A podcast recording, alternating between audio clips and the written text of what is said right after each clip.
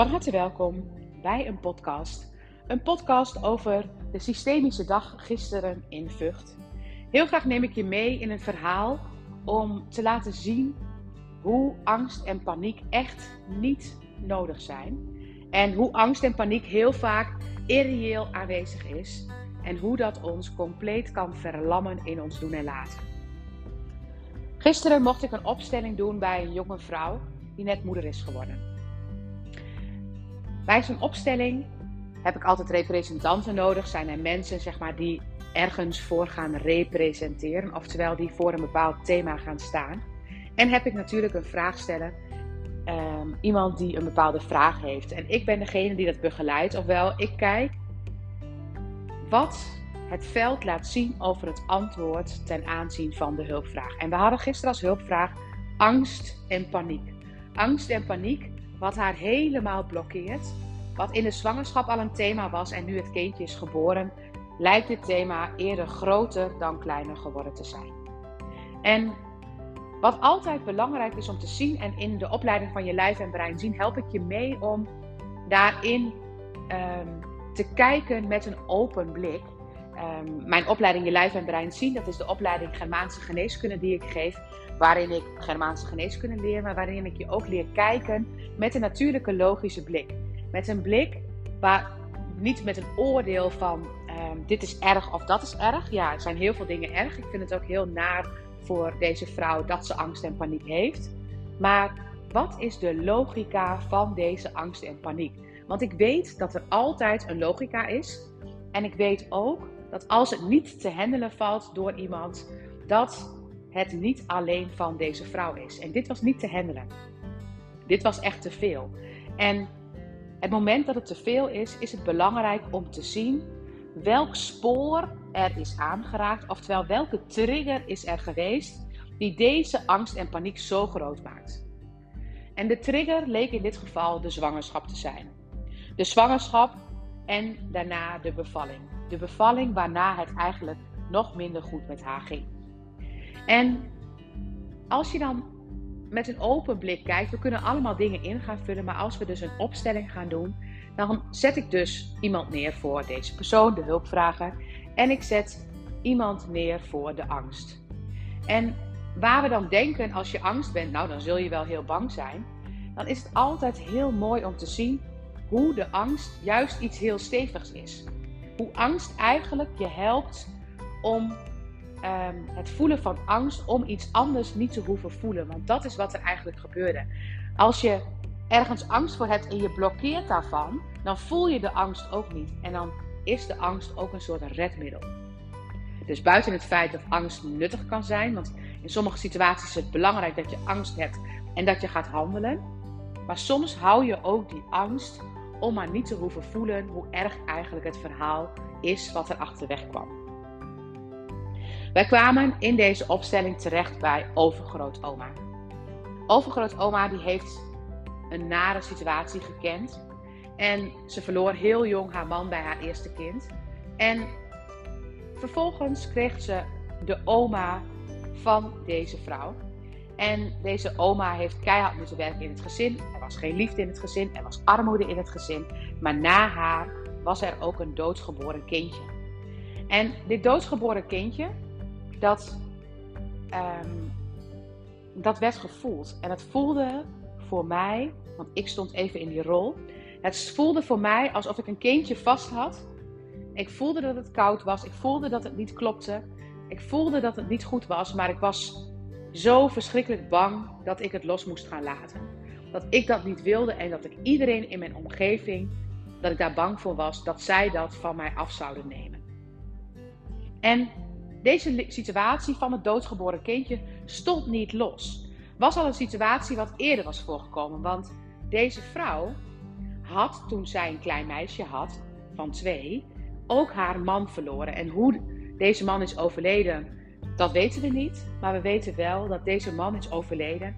Dat ze nog heel jong waren. En dat het wellicht precies hetzelfde voelde als: ik moet hem loslaten, maar ik wil hem niet loslaten. En ik vertrouw geen één dokter meer. Eigenlijk is het doodgeboren kindje dus al een soort van sporen, een soort herhaling van het systeem. Nou, en kijk je naar het doodgeboren kindje waar wij ons tijdens de opstelling op gefocust hebben, dan voelde het zo bizar dat, hoe ik dat kindje wilde houden. En natuurlijk wilde ik dat dode kindje niet houden. Ik wilde dat kindje houden. En het dode kindje, dat had ik me niet eens gevoeld dat er een dood kindje was. Ja, ik was, ik was nog in paniek. Ik was nog aan het schreeuwen, bij wijze van spreken. Van, dit gaan we niet af, je neemt niet van me af. Maar in dat gevoel en daarin blijvend, dan hoef ik ook niet te voelen hoe ongelooflijk naar het voelt om iemand te missen en om iemand iets los te laten. Dus de angst van het loslaten, de angst van het missen, de angst van het verdriet, de angst van het gevoel wat eronder zit, dat wordt met het willen vasthouden van het kindje ook niet gevoeld. Dus het kan zijn dat je het alleen al wil vasthouden om maar niet te hoeven voelen hoe het voelt om het los te laten. En daar kwamen we in. We kwamen in het loslaten. Gelukkig, want dat was belangrijk. Maar wat een ton aan verdriet zat daaronder. Want wat een wanhoop, wat een verdriet, wat een.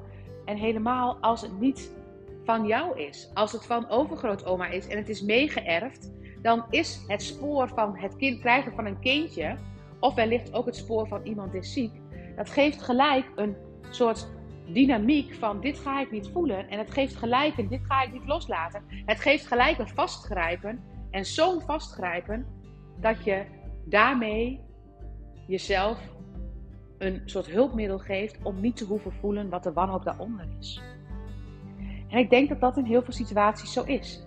Dat mensen vast blijven houden aan angst en paniek, omdat ze bang zijn wat eronder zit. Want als je gaat voelen wat eronder zit, dan moet je dingen voelen die je nooit zou willen voelen. Dan moet je een gemis voelen wat je nooit zou willen missen. En bij dit geval ging het over een geboorte, waar uiteindelijk een doodgeboren kindje uit voortkwam. Dus bij alle geboortes wordt er extra aangespannen om maar te zorgen dat we het niet hoeven los te laten. Het hele lichaam van moeder ging bij het moeten loslaten compleet in een verstarring. De geboortes na deze oma zijn dus ook allemaal verlopen met een vacuüm. Er was hulp nodig om het echt los te kunnen laten. Er was hulp nodig bij oma om het echt los te kunnen laten. Hulp die ze niet accepteerde, hulp die ze eigenlijk alleen maar zag als een bedreiging. De situatie herhaalde zich. De situatie die niet alleen meer is van deze oma, maar inmiddels zijn er zoveel andere situaties overheen gekomen die dezelfde trilling hebben. Waardoor het niet alleen voor oma moeilijk was, maar waardoor het hele systeem met dezelfde, op dezelfde momenten zo heftig reageert op dingen. En zo geloof ik dat we allemaal angst en paniek kennen. En dat als de angst en paniek zo groot is dat wij dat niet kunnen handelen, dat het angst en paniek uit ons systeem is. En in elk systeem zijn miskramen. In elk systeem zijn doodgeboren kindjes, kindertjes. In elk systeem zijn ongevallen waar kinderen overleden zijn. In elk systeem zijn mensen ziek geworden die veel te jong waren. In elk systeem zit angst en zit paniek. En eigenlijk het enige wat we maar hoeven te doen. En het is niet makkelijk, maar het enige wat we hoeven te doen, is dat zien. Respecteren dat dat aan de hand was. Het verdriet daarvan voelen. Maar het verdriet ook teruggeven aan deze oma. Ze kon het zelf niet voelen, ze durfde het niet te voelen. Maar het, heeft het helpt niet als het nageslacht het na blijft doen. Het is belangrijk om oma te zien en te eren in haar positie of overgrootoma. En daarmee deze situatie in het systeem los te laten. Om vervolgens wellicht bij bevallingen, bij angstmomenten op een andere manier te gaan handelen en te gaan voelen. Dankjewel voor het luisteren. En mocht je denken naar aanleiding van deze podcast, ik zou ook heel graag een keer een opstelling doen. Kijk dan op www.willemijntrip.nl. Daar kun je uh, representant zijn om het een keer te proeven. Aankomende vrijdag is er ook weer een systemische dag. En, um, of dag, dat duurt van 10 tot 2, dus het valt ook wel mee qua tijd. En um, als je vraagsteller wil zijn, kun je ook via mijn site www.willemijntrip.nl je, je daarvoor inschrijven. Want ik geloof erin dat dat wat er gisteren, wat we hebben ontspannen, dat gaat het babytje ontspannen, dat gaat het systeem ontspannen en dat gaat echt heel veel moois teweeg brengen. En Dat zijn allemaal dingen die als je het hebt ontspannen, die daarna niet nog in een andere situatie weer terug hoeven te komen.